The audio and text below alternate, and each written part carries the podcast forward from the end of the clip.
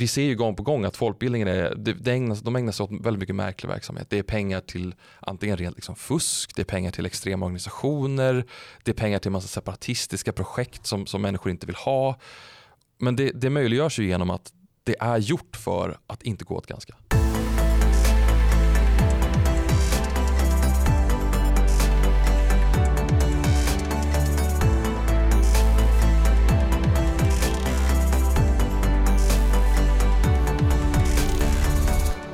Adam Danieli är jurist, ingenjör och projektledare på Timbro. Han är 22, 2022 års mottagare av priset till Johnny Munkhammars minne.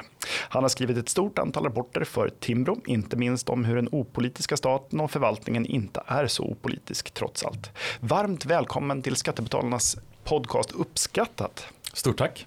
Väldigt trevligt att ha dig här.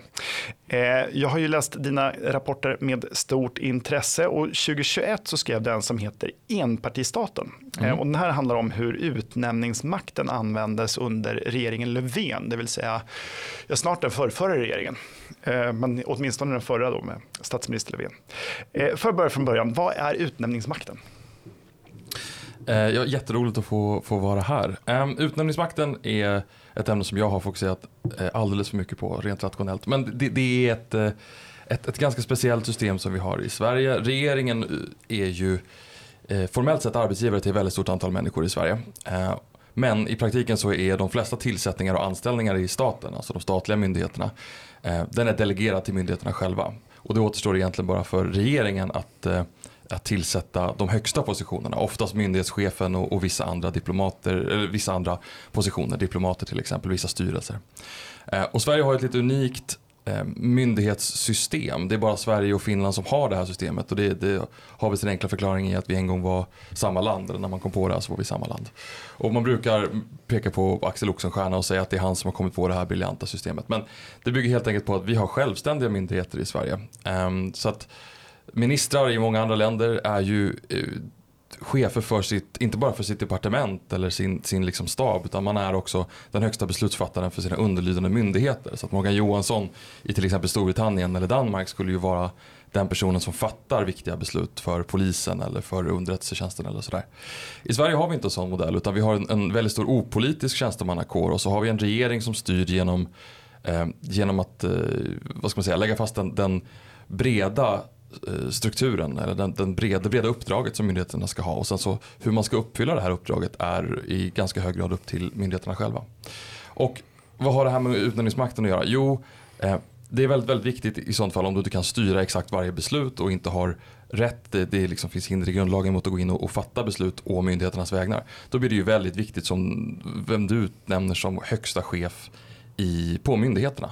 Det vill säga man måste ha, ha väldigt eh, bra koll eh, på vem det är man sätter som generaldirektör eller ibland har de andra namn, till exempel rikspolischef.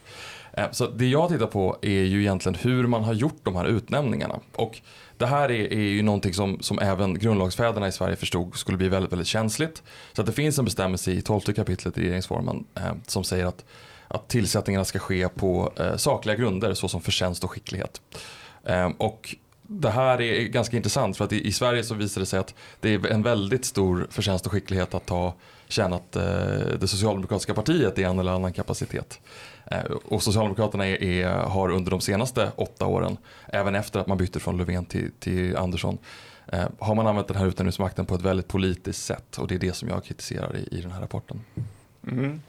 Just det, för det här det system man har i många, inte minst anglosaxiska länder i alla fall, så har man ett så kallat spoil system där, där även personer som inte är valda utan tillsatta av politiker mm. ryker vid ett val. Mm. Eh, och i Sverige så får man inte som minister gå in och detaljreglera utan du har regleringsbrev och sånt där. Annars blir det det som är förbjudet i Sverige, det vill säga ministerstyre som är en naturlig del i styret i många andra ja. länder. Precis, i, i, ofta så när man, när man hör ordet ministerstyre användas i Sverige så är det ju nästan ett, ett, ett liksom brott mot, uh, mot någonting. Man, man, tänker att ja, men ministerstyre det är, det är när ministern har gjort någonting fel. Och mm. Det där är ju egentligen, det borde nästan vara det omvända. Alltså ministerstyre är ju normen.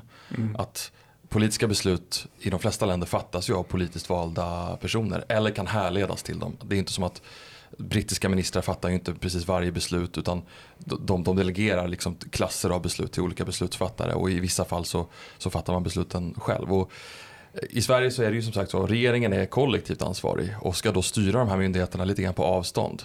Och det där är, det är ett väldigt stort problem. Um, och det såg vi inte minst i coronapandemin. Att vem är det som styr egentligen? Om man har en myndighet som kanske har en styrelse, vissa större myndigheter i Sverige har en styrelse. Du har en generaldirektör, du kanske har ett insynsråd där det sitter en del parlamentariker. Eh, och sen så har du då regeringen och så eh, i, i eh, väldigt många tjänstemän som är politiskt tillsatta i regeringskansliet som också för en dialog med den här myndigheten. Var slutar, alltså... Where does the buck stop? Precis. Just det, för det är ju också det är ett ständigt återkommande ämne i den här podden eh, är ju just den här alltså ansvarsutkrävandet. Vem är det då som ska, när någonting går snett? Och det såg vi med Coronakommissionen inte minst, att det var ju väldigt svårt att utkräva någon som helst ansvar, utan den där ansvaret bollades som en het potatis och framför allt ville regeringen inte alls ha den i sitt knä. Nej, precis. Och jag menar, man, man, ska inte, det finns en tendens i Sverige att idolisera lite den här unika modellen med självständiga myndigheter. Och våra myndigheter är ju närmare vad domstolar skulle vara i andra länder. Det vill säga att man har ett väldigt stort eget mandat att fatta beslut eh, efter helt abstrakt uppställda normer. Mm. Det, är, det, är, nästan närmare en domstolsprövning. Eh, men jag tycker inte att man ska idolisera det här utan se det mer som en, en praktisk del av det svenska regeringshantverket att typ kunna komma runt det där. Alltså, vi, vi erkänner i teorin att, att våra myndigheter är de är självständiga och bestämmer väldigt mycket själva men i praktiken så är det ju ett mycket, mycket tydligare politiskt styre än vad, vad man kanske vill ge sken av. Mm. Eh, och, och ska väl har... vara, säga, det ska väl vara ett politiskt styre? Ja, ja, alltså man kan utkräva ansvar. Ja, ja precis. Det, det, fungerar ju inte eh, på något annat sätt. Jag menar, du kan ju inte ha ett ansvarsvakuum Nej. där ingen, ingen bestämmer. Och jag menar, det här systemet är ju, det, det kom ju till av, av väldigt praktiska skäl på 1600-talet kan man i alla fall spåra rötterna till. Att man tänkte att även om, om kungen och regeringen är ute i krig så ska liksom landet fortsätta fungera. Just så därför har vi en massa oberoende enheter som då kan springa självständigt från den absoluta liksom, maktens kärna, från, mm. från kungen och hans stab. Men nu är vi väldigt sällan i Turkiet och krigar, så ja, tack precis. och lov ska man säga. Precis. Å andra sidan så, så här, många myndigheter funkar ju bra. Mm. Och det är ju, eh, problemet blir ju när man när det uppstår oklarheter. Mm. För då springer alla från ansvaret, både från myndighetens och regeringens sida. Ja, och det är väldigt svårt att utläsa vem som faktiskt eh, har det yttersta ansvaret. Eh, I den här rapporten så går det igenom alla rekryteringar till chefer över förvaltningsmyndigheter, alltså oftast då generaldirektörer, som gjordes mellan 2014 och 2020. Varför är de här så intressanta då? Ja, man får egentligen backa bandet lite grann. Inför valet 2006 så hade man en ganska intensiv debatt, eller man, borgerligheten försökte starta en intensiv debatt om Göran Perssons utnämningar. Och det här var ju när Göran Persson stod på sin liksom, höjden av pampighet. Eh, och så försökte man peka på att han hade ju med väldigt oklara motiveringar då utnämnt eh, sin fru blev vd till, för Systembolaget till exempel. Och det var massa av hans mm. närstående som, som hamnade på en massa opolitiska positioner. Eh, och, och, då kom det här upp lite grann till diskussion och under alliansregeringen så försökte man ju att göra den här rekryteringen av, av, de högsta cheferna mer transparent. Men sen efter 2014 så, så föll man tillbaka, eller sossarna föll tillbaka i sina gamla vanor och började utnämna väldigt många personer med bakgrund i det egna partiet till mm. myndighetschefer. Det finns ju inget förbud mot det. Eh, man kan ju vara socialdemokrat och, och oerhört kompetent och man kan ju vara centerpartist och vänsterpartist och allt möjligt. Men grundlagsstadgandet om förtjänst och skicklighet finns ju till av en anledning. Eh, det går inte att upprätthålla någon slags självständiga myndigheter som kan säga emot den politiska makten i vissa fall. Ehm, som kan tjäna vilken regering som helst, som kan få sitta kvar oavsett när det blir regeringsskifte och sådär. Man kan inte göra det med trovärdighet om det inte också finns en genuin kompetens i botten. Och jag tror att slutsatsen från det här, det, det är ju väldigt svårt att granska den här typen för att det finns inget som är upprättat. Alltså de här rekryteringarna går inte att granska. Det, det finns väldigt sällan någon dokumentation, man kan inte begära ut vilka som har sökt den här tjänsten. De flesta personer har inte sökt sin tjänst överhuvudtaget. Man behöver inte ens annonsera ut eh, att man nu behöver en ny generaldirektör för Luftfartsverket eller vad det nu kan vara. Utan det är helt plötsligt så kommer ett pressmeddelande och där det står att nu har regeringen valt att utnämna kanske en tidigare eh, en avgången partisekreterare eller en eh, tidigare gruppledare i riksdagen till en, en fin position. Sådär. Och man får varken motivering eller eh, svar på frågor varför just den här personen då hade förtjänst och skicklighet i, i botten. Det är ju väldigt, väldigt märkligt och det kan ju lätt tolkas som att det ibland är en belöning för någonting bra man har gjort eller kanske någonting som gör att man inte vill ha kvar den här personen som minister eller gruppledare eller vad det nu kan vara. Precis, jag tror att det generellt sett i den svenska både liksom rättsstatliga diskussionen och i demokratifrågor så har vi en ganska stor naivitet inför politikens egen intressen. Alltså ta till exempel då, mitt favoritexempel som jag ofta återkommer till det är ju Karin Jämtin som är generaldirektör för Sida och som utsågs till det precis efter att hon hade avgått som partisekreterare. Det här är ju en person, precis som kanske Håkan Juholt som sen blev ambassadör eller Margareta Winberg som, som man skickade iväg som ambassadör också under regeringen eh, Persson. Det här är ju människor som partiet har ett jättestort problem med. Mm. De måste göra någonting av de här människorna. Och det ska vara en fin post som helst är ett stenkast från politiken. Men de här personerna kan ju ingenting annat än politik heller. Så det måste liksom vara en, man måste hitta någon form av, av post.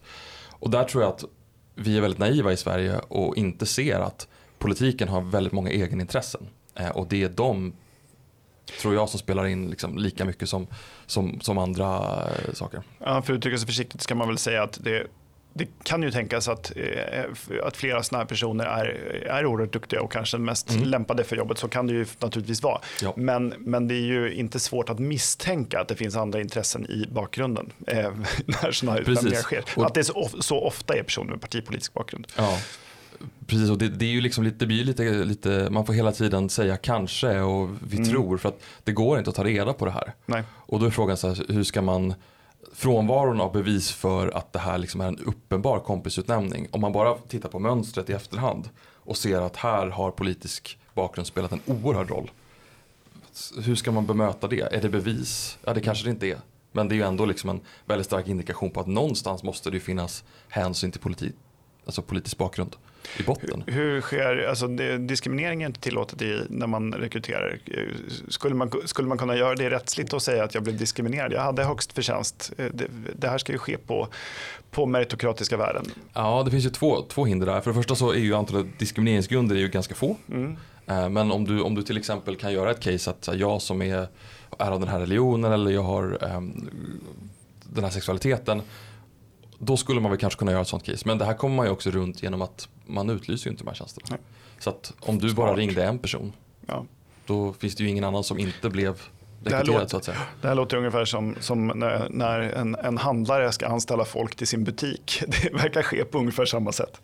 Ehm, ja, och det är ju helt... från att handlaren och den anställde då känner varandra väldigt länge sedan tidigare. Ja, precis. Ja, precis. Ja, man ja, devices ut tillsammans och man ja. åkte på liksom resor ja. till olika ställen. Och sådär. Ja, men har man sin egen butik eh, som, som, man, som man själv står risken för så får man väl anställa sin, ja. sin dotter om man känner för det. Om man, ja. Även om hon inte är bäst lämpad så, så är det ens egna pengar man riskerar, men här är det ju andras.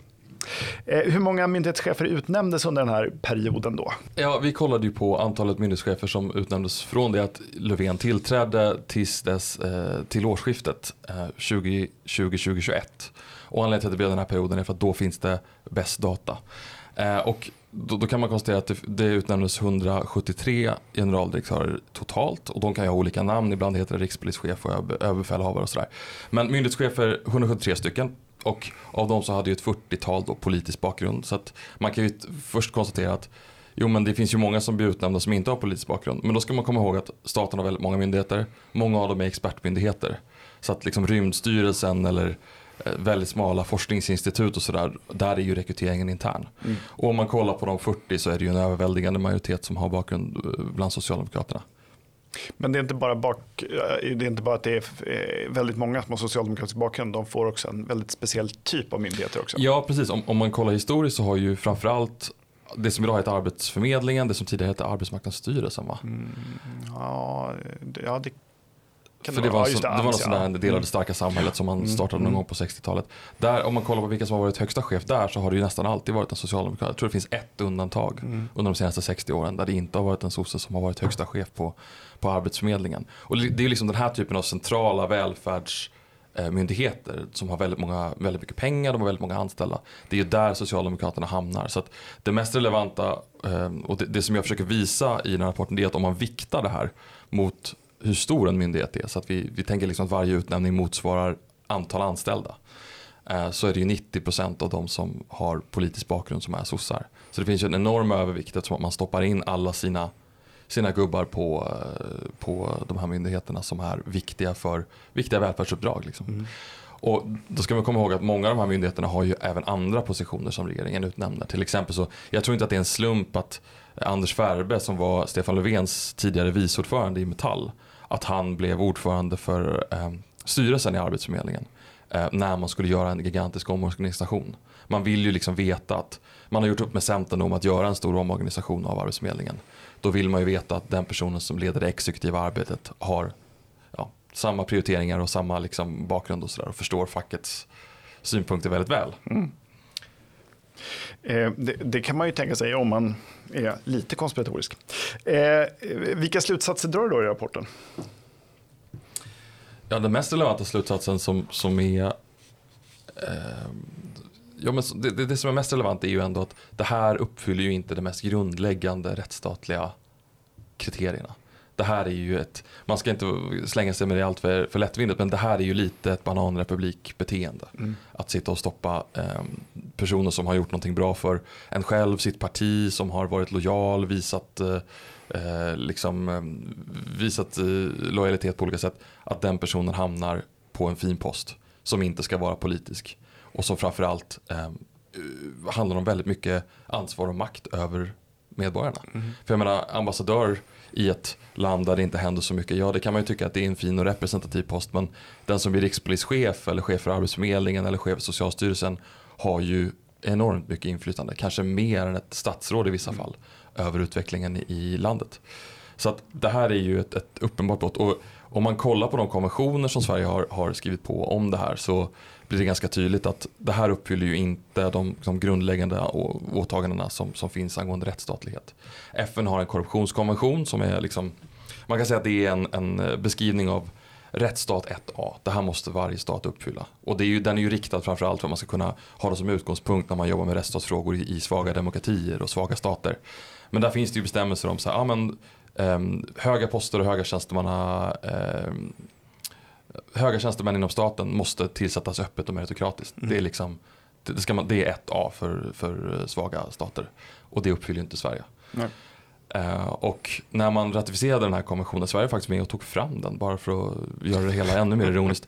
Uh, så, så påpekade väldigt många remissinstanser att jo men rekrytering i Sverige är ju meritokratisk i de flesta fall. Ju, lagen om offentlig anställning stadgar ju att ska du söka eh, tjänsten som gruppchef på Försäkringskassan i Abisko, då kommer du behöva komma in med en viss liksom, formell ansökan. Man kan pröva den här eh, utnämningen eller anställningen på olika sätt. Men när det kommer till just de här viktigaste positionerna, då har man valt att, liksom, där finns det ett undantag. Där kan politikerna eh, jobba mycket mer skönsmässigt. Det är väldigt intressant, för jag hade eh, Inga Vitalenius här, har varit här i podden och hon är också djupt engagerad i de här frågorna.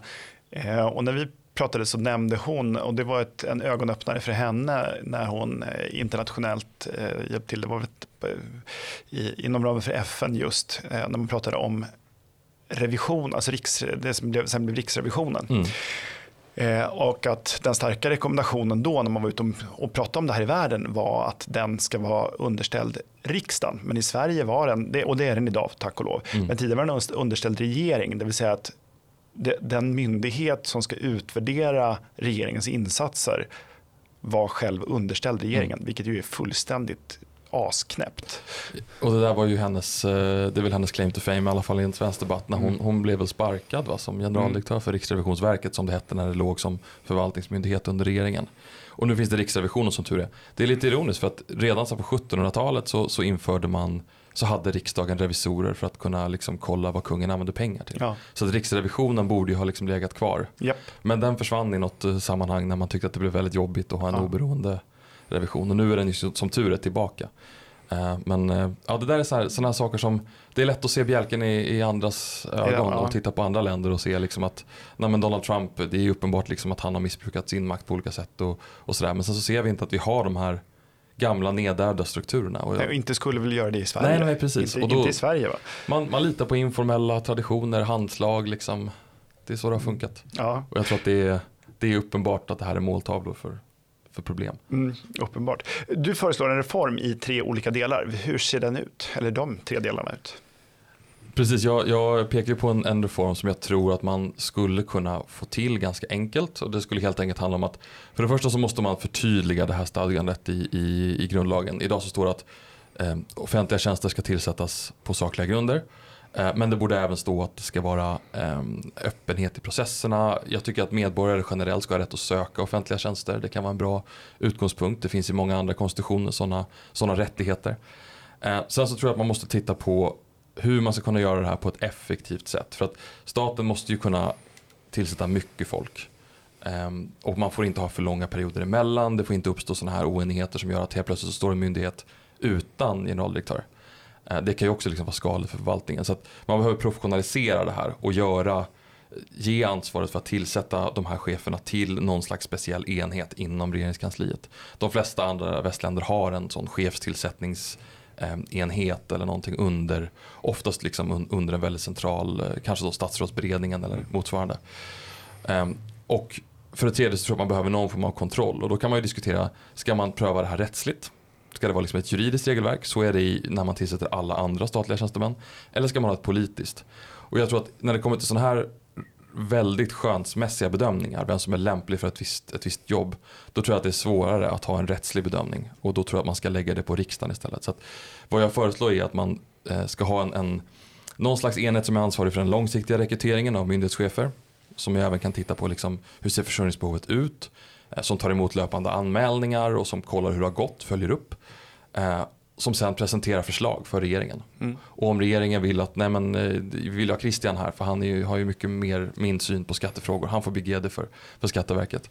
Eh, om man agerar och, och, och, om regeringen inte är nöjd med, den, med den, det förslaget så får man underställa beslutet konstitutionsutskottet. Mm. Det är det lättaste och få ha någon form av kontrollmekanism i alla fall. Och då behöver heller inte riksdagen gå igenom varenda utnämning för det tror jag inte är motiverat. Men Nej. det handlar liksom om att okej, okay, regeringen är väldigt fri att, att bedöma vad behöver den här myndigheten.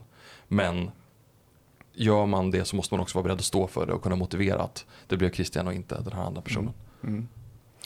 Mm. Eh apropå KU då, så de granskar ju utredningsmakten men har inte fångat upp det du skriver om i din rapport. Eh, där har man stannat vid att andelen politiska rekrytering är ungefär lika stora över tid. Mm. Eh, men man verkar, verkar ha missat där att det var en stark övervikt av just tidigare socialdemokrater som rekryterades. Det, är ju, det är ju liksom en rättslig granskning som de gör. Mm. Eh, så att det är så här, har man agerat i strid med, med det här saklighetskravet?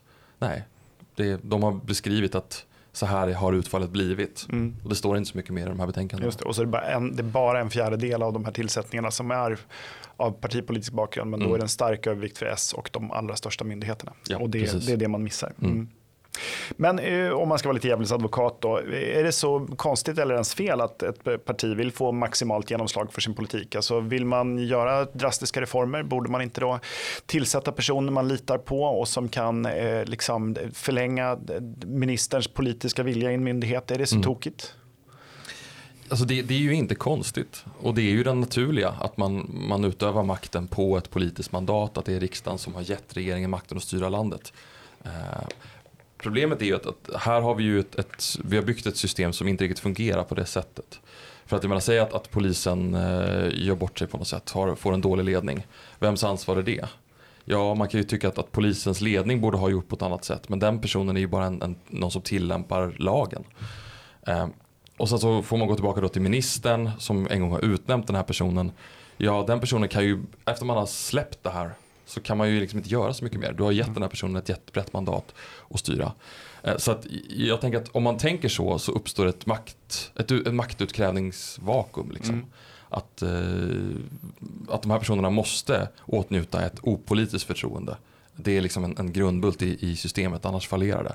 Och eh, ytterligare ett, ett, problem är ju att man, är ju inte, man avgår ju inte med regeringen. Nej, det är inget spoil system. Nej, nej, precis. Och det, det, kan, det, skulle man ju kunna ha istället. Jag tycker att man borde ha det, framförallt när det gäller vissa myndigheter, att man borde ha en politisk tillsättning även för, för cheferna. För då hade man kunnat säga rakt ut att men det är vår politik ja, att organisera om det här. Eller att uh, ha den här policyn för jag vet inte, anställningar eller någonting. Men problemet är att vi har, om inte det sämsta av två världar så har vi i alla fall ett, ett, ett, ett blandat system som sägs vara en sak men som är något annat. Precis, det är ju lite varken hackat eller malet. Nej. Och jag tror att det, det problemet ligger ju hela tiden i att den som måste avskaffa det här systemet är ju den som kan dra mest nytta av det vid ett givet tillfälle. Mm. Så att även när man får ett regeringsskifte, jag tror att det finns stora möjligheter att få igenom jättemycket sådana här bra reformer. Eh, men eh, det ska man också övertyga den personerna om som har makten i sin hand. Mm. Det... Just det. Ja, för det var ju inte, så det får man ju säga om den borgerliga regeringen efter 2006, att de började ju åtminstone att söka lite bredare om jag minns mm. rätt. Eh, och, eh, men men man, här, man, gjorde inte så att man bara utnämnde sina egna, men, men man lyckades inte riktigt reformera systemet så i grunden. Så att, eh, när, när Socialdemokraterna sen återinträdde i Rosenbad så gjorde man som man alltid har gjort. Mm. Precis, man, man, man kan ju ersätta eller man kan ju förändra omdömet och skaffa sig bättre omdöme, men det kommer ju inte att smitta av sig på nästa person. Nej, man hade ju behövt ändra institutionen, liksom, tillsättningssystemet i grunden. Ja, ja, och ja precis. Eh, du har ju skrivit en annan rapport som du släppte här i våras eh, som heter Kommandohöjderna. Vad handlar den om? Ja, man kan säga att, att hela det här projektet, jag, jag arbetar ju på Timbro till vardags och håller på med liksom rättsstatsfrågor och demokratifrågor och hela det här projektet har ju handlat om vad hur, hur kommer det sig att Socialdemokraterna kan utöva så otroligt mycket makt i Sverige även på områden där de egentligen inte har speciellt stort stöd eller när man, när man inte alls är i närheten av egen majoritet. Och ett av de här, eller en av, av, av rapporterna som, som du nämnde eh, handlar om att liksom kartlägga vad är de här kommandohöjderna som Socialdemokraterna har? Vad är det för institutionella övertag som finns? Och mer konkret, liksom, vad är det för någonting man skulle kunna göra för att jämna ut den här spelplanen? Mm. För väldigt många personer, tror jag i alla fall inom en bred borgerlighet, tänker ju att jo, jo, men vi vet ju att de har de här lotterierna och så har de ju LO och så har de ju kanske Hyresgästföreningen. Men man är liksom inte riktigt på det klara med exakt vad är det för pusselbitar man har pusslat ihop för att ge och bibehålla det här maktövertaget. Så tanken var att göra en slags kartläggning över hur de här, kart, eller hur de här kommandohöjderna ser ut och också en instruktion eller vad man ska säga till så här, så här kan vi nå ett mer normalt politiskt klimat i Sverige. Mycket intressant. För det är ju det som lite eh, konspiratoriskt brukar kallas för the deep state va? i mm. andra länder. Eh, och I den här rapporten har vi gått igenom bland annat intäkterna som riksdagspartierna har redovisat mellan 2018 och 2020 till Kammarkollegiet. Vad kom mm. ni fram till där? Ja, alltså må många personer, framförallt i, i den senaste månadens debatt, har ju, då, då har man ju fått bilden av att det här med transparens i partiets finansiering skulle vara något som är väldigt eh, som är en gammal tradition i Sverige. Att det liksom, vi, vi är öppna och transparenta och så är det ju verkligen inte. Utan det är ju bara sedan 2018 som riksdagspartier har varit tvungna att redovisa sina intäkter eh, på, på ett eh, transparent sätt. Ofta, den här regleringen finns ju eftersom att andra länder har tittat på Sverige och sagt att men herregud, ni har ju ingenting som förhindrar att man liksom ger stora, eh, att det finns stora skevheter i, ekonomisk, i ekonomiska förutsättningar. Och jag tror att Socialdemokraterna tänkte sig att nu ska vi avslöja Moderaternas jättestora bidrag och nu ska vi avslöja hur det kommer in en massa ryska pengar i liksom Sverigedemokraterna eller något sånt där. Och problemet var ju att man bara visade upp hur sjukt finansieringen till det egna partiet är. För att eh, om man kollar på, Socialdemokraterna har ju sedan 50-talet åtminstone ett stort organiserat lotteri, en koncern som man kallar för A-lotterierna. Eh, och det är väldigt lönsamt att hålla på med spel och det är därför som, som eh, det är väldigt hårt reglerat, det är många som vill in på den här marknaden. Men eftersom att sossarna har kunnat utforma både regelverket och vara den en av de större aktörerna i alla fall på lotterimarknaden så har man ju lyckats göra det här till en, en guldgruva. Och vad man får in är ju, alltså de flesta partier i Sverige är ju väldigt Alltså man, man, har inte speciellt mycket pengar att röra sig med. Jag tror att de flesta skulle uppskatta att, att partier har mycket, mycket mer än vad de har.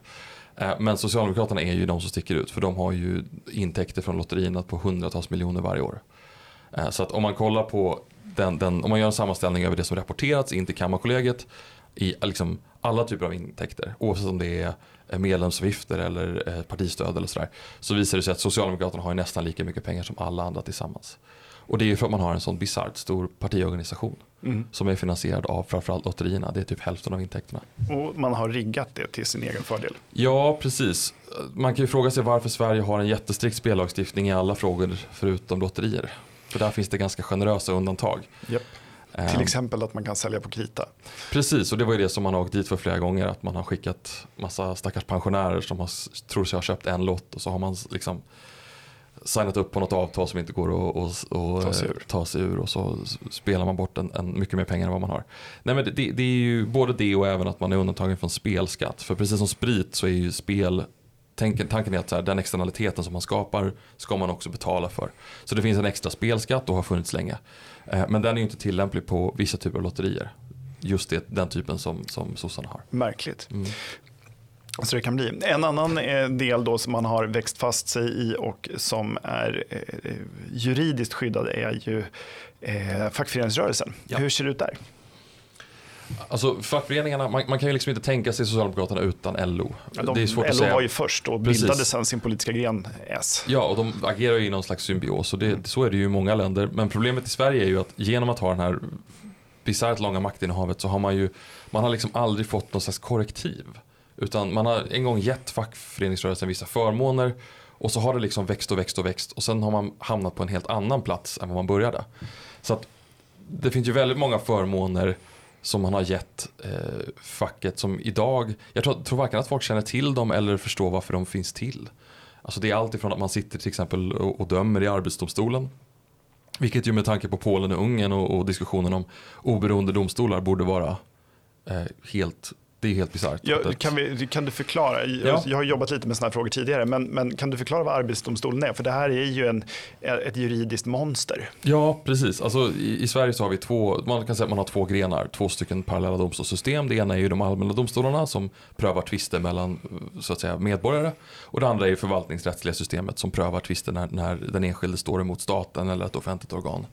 Men sen har man några specialare och det är för det första eh, Arbetsdomstolen som är högsta instans för alla arbetstvister. Så att arbetstvister, om man börjar tvista om kollektivavtal eller anställningar eller sådär, går inte till högsta domstolen utan det går till arbetsdomstolen. Och då kan man ju tänka sig att jo, jo, men det är väl bra så att de, de vet säkert mer om arbetsrätt. Och så kan det ju vara, det är liksom, de är specialister. Men det som är unikt med arbetsdomstolen är ju att de som dömer inte är jurister utan företrädare för olika eh, partsorgan. Så att det sitter personer från alla fackföreningar, eh, det sitter personer från Arbetsgivarverket som är en statlig myndighet. Det sitter personer från Svenskt Näringsliv, eh, Företagarna och en massa, massa olika organisationer. Och överlag kan man väl säga att jo, rent arbetsmarknadsmässigt så är den ju oftast ganska balanserad. Det vill säga att man har en arbetstagarföreträdare och en arbetsgivarföreträdare och så tänker man att någonstans där finns det ett spänningsfält. Men problemet är ju att det här har ju fått en helt egen, alltså den här sammansättningen av, av eh, domare har ju en helt egen, skapat en helt egen inriktning. Alltså man, har, man utvecklar arbetsrätten åt olika håll som saknar politiskt mandat. Eh, och det kan ju till exempel vara då att både arbetsgivare och arbetstagarsidan är ju väldigt måna om att skydda sina roller i den svenska modellen. Och den arbetstagare eller arbetsgivare som inte har kollektivavtal Ja. kan man ju då misstänka i alla fall Ja. inte blir lika vänligt dömd som någon annan. Nej precis, tanken är så här, de, de, tänker ju att de ska jaga in alla människor i follan. Att här, ja, du, ska ha, du, du ska inte utmana systemet och börja tänka att vi kanske vill ha ett annat kollektivavtal eller vi kanske tänker så här kring den här anställningen. Utan tanken är att man hela tiden ska upprätthålla den här modellen. Och Arbetsdomstolen är egentligen en privat skiljenämnd från 20-talet. Som sen liksom har sprungit sin egen väg och idag så är det ju en del av domstolssystemet. Och, och det uppfyller ju absolut inte tanken om oberoende domstolar. För att LO som har, jag minns inte om det är två eller tre domare i Arbetsdomstolen. De, har ju, de är ju kopplade till den politiska makten. Mm. Så att det finns ju liksom en direkt lina. Ja, och det här, har ju det här är ett korporativistiskt system Ja. som ju, eh, och här, inga jämförelser med liksom fascism i övrigt, men det här är ju, det var ju så som Mussolini ville organisera det italienska samhället, Mm. att eh, företrädare för olika organisationer Mm. skulle vara de som, som styrde landet och att Mm. demokrati var onödigt. Det här är ju inte egentligen med, förenligt med en, en, liksom en västlig rättsstat. Nej, precis. Jag menar, tanken att, att samhället består istället för en massa medborgare som är individer så består man av en massa fundamentala intressen som Ja. liksom inte kan delas vidare utan som bara är en och samma. Det är ju någonting som det har utövat ganska stort inflytande i Sverige. Problemet är ju att man, man tillsätter ett sådant system och så tycker man att det här kanske reflekterade samhället hur det såg ut vid en viss tidpunkt. Om om man ska vara liksom lite generös ändå. Men hundra år senare, då har du ett Mm. helt annat samhälle. Men det är ju ett, det är ett extremt kollektivistiskt sätt Ja. att betrakta medborgarna på. Precis. Att du, du ska inte föra din egen talan utan Mm. det finns organisationer som för din talan åt dig. Ja. Och det, så kan man ju vilja ha det, men Mm. att man ska tvingas in i ett sådant system är ju vansinnigt. Precis, och, och det här är ju som vi, vi nämner lite grann i- eller som jag nämner i rapporten, det är ju tveksamt om det här är förenligt med Europakonventionen. Och den har ju tidigare varit ett, ett slags korrektiv till eh, de här svenska Mm. lite speciella avarterna. Att om man har liksom, när man har fått ett, ett verkligt test och testa liksom, okej uppfyller det här rimliga rättsstatliga principer, då har Europakonventionen varit väldigt bra för att den är liksom den är, man skriver ner några fundamentala rättsprinciper i, i den västliga traditionen och sen så kollar man uppfyller Sverige det här. Jag tror inte att det här skulle passera Nej. om, man, om det kom upp. Och det borde, borde det väl göra. Hur, hur skulle man förändra det här då? Eh, tänker du just Arbetsdomstolen? Ja. Alltså Arbetsdomstolen går, den går att ta bort rakt av. Mm. Eh, det finns ingen anledning att ha den. Vi har ett liknande system som inte är lika illa. Just efter att eh, man blev fälld i Europadomstolen eh, så tog man bort bostadsdomstolarna. Mm. Eller det, var, det fanns en bostadsdomstol. Så nu finns det bara kvar hyresnämnder. Som också är ett korporativt organ. Det sitter en, en person på eh, fastighetsägarsidan, det sitter en person på eh, hyresgästsidan och så har man liksom, så, så dömer de i mål som har med hyra och eh, hyresavtal att göra. Det här är ju också en korporativistisk idé men där blir det inte lika allvarligt i och med att man har tagit bort den högsta instansen. Så att hyrestvister går upp till högsta domstolen och Mm. de sätter praxis. Så att det är lite grann som att ha mer, mer av ett nämndemannasystem. I Mm. Arbetsdomstolen så är man ju de som faktiskt i slutändan bestämmer. Mm. Men eh, de, båda de här går att ta bort. Alltså Mm. hyresnämnderna borde bara bli eh, vanliga allmänna domstolar och Arbetsdomstolen borde bara bli ja, inlemmas i vanliga domstolar Mm. också. Det finns liksom inget syfte med det här. Jag menar, om, om människor börjar skrapa lite på ytan så kommer man inse att varför gör vi det här? Det känns otroligt omständigt. Det finns inget, Nej, och det det är är bara tradition.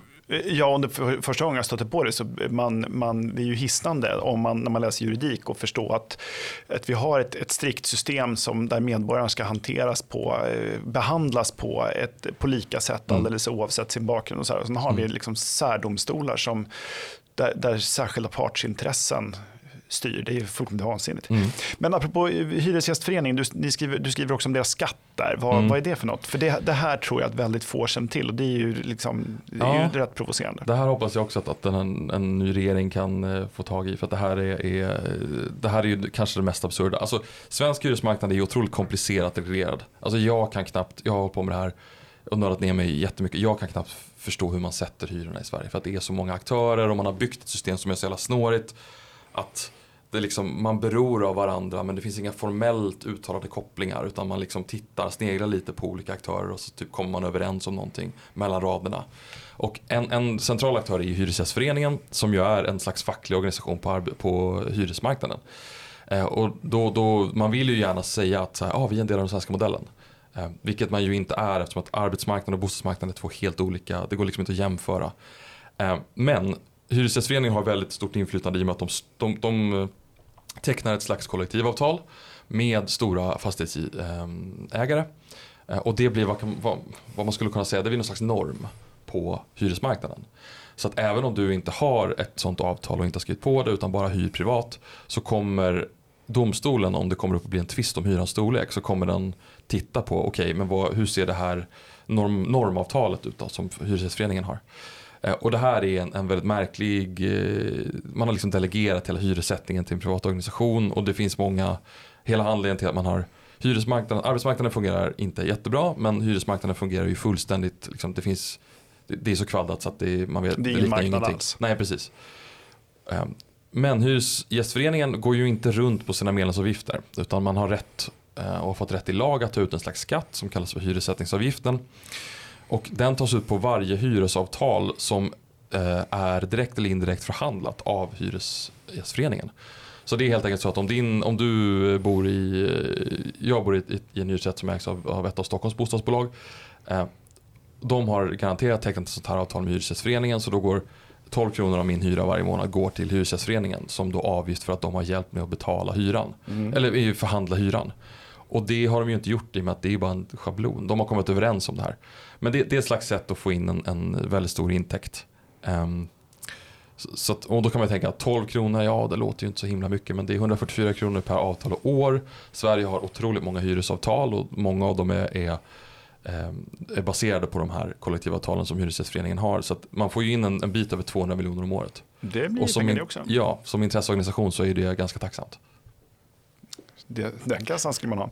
Nej, men, och det, det vrickade är då att man har rätt att ta ut en sån här avgift utan att man frågar. Det här påminner ju lite om liksom, facket administrerar a-kassan trots att Mm. a-kassan till största del betalas av skattepengar. Mm. Det vill säga att även om du inte är med i a-kassan så betalar du för den och sen administreras den i stor utsträckning av.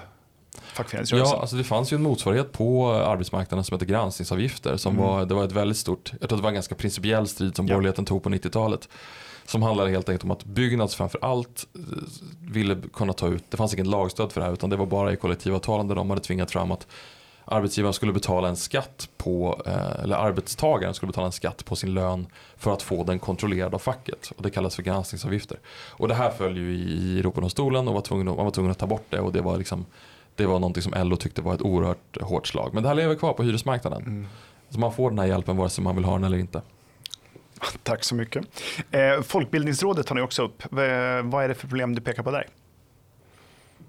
Ja, Folkbildningsrådet är ju en intressant organisation. Ehm, alltså, utifrån så ser man ju, tänker man ju liksom folkbildning, ja men det är ju så, det är ju ABF och Medborgarskolan och de här och man kan gå kurser i vävning och eh, olika hantverk och sådana saker. Men det här är ju en enorm business och staten finansierar ju folkbildningen med, jag tror att det är en bit över 5 miljarder per år. Största mottagare är ju ABF som är sossarnas folkbildningsorgan, alltså arbetarnas bildningsförbund. Eh, och som, de fungerar som paraplyorgan till hela, hela rörelsen, hela arbetarrörelsen. Alla är med. Ja, men det är Fonus och det är Coop och Socialdemokratiska partiet och ungdomsförbund och Unga Örnar och, och eh, PRO och alla de här. Så att de funkar ju som ett slags, ett slags nät som arbetarrörelsen använder. De finns i varenda kommun, de har kontor i varenda kommun eh, och det finansieras ju statligt. Eh, och om man kollar på de här olika organisationerna så är det ju många av dem som kommer från någon folkrörelse. Svenska kyrkan har någon och det är Centerpartiet, alltså bondeförbundet mm, har, mm. har någon. Och sådär. Men den enda, det enda förbundet som egentligen är partipolitiskt kopplat, uttalat, är ju ABF. Så då får de ju ungefär en, en halv miljard att använda till olika typer av utbildningar, närvaro, verksamhet. Liksom bara att kunna, ha, att kunna vara på plats som en liksom parallell struktur. Eh, och mycket av det de gör är säkert jättebra men det är ju så att det är ju nästan helt och hållet finansierat av skattepengar. Om man kollar på, på uh, intäkterna så är det en halv miljard i skatteintäkter och så är det en miljon i liksom, medlemsintäkter. Alltså det är, det är liksom bisarrt hög. Faktor 500. Ja, ja precis. Ja. Det är en bisarrt hög bidragsgrad.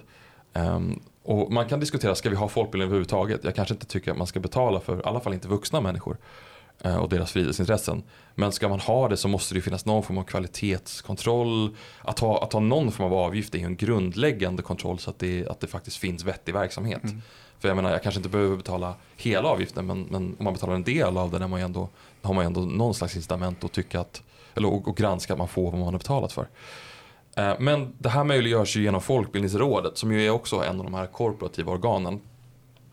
Folkbildningsrådet är ju inte en myndighet utan det är ju en, en korporativ liksom, har, man har eh, det man kallar för representantskap där man fattar alla beslut. Så att alla organisationer som håller på med folkbildning är liksom medlemmar och får rösta i den här myndigheten.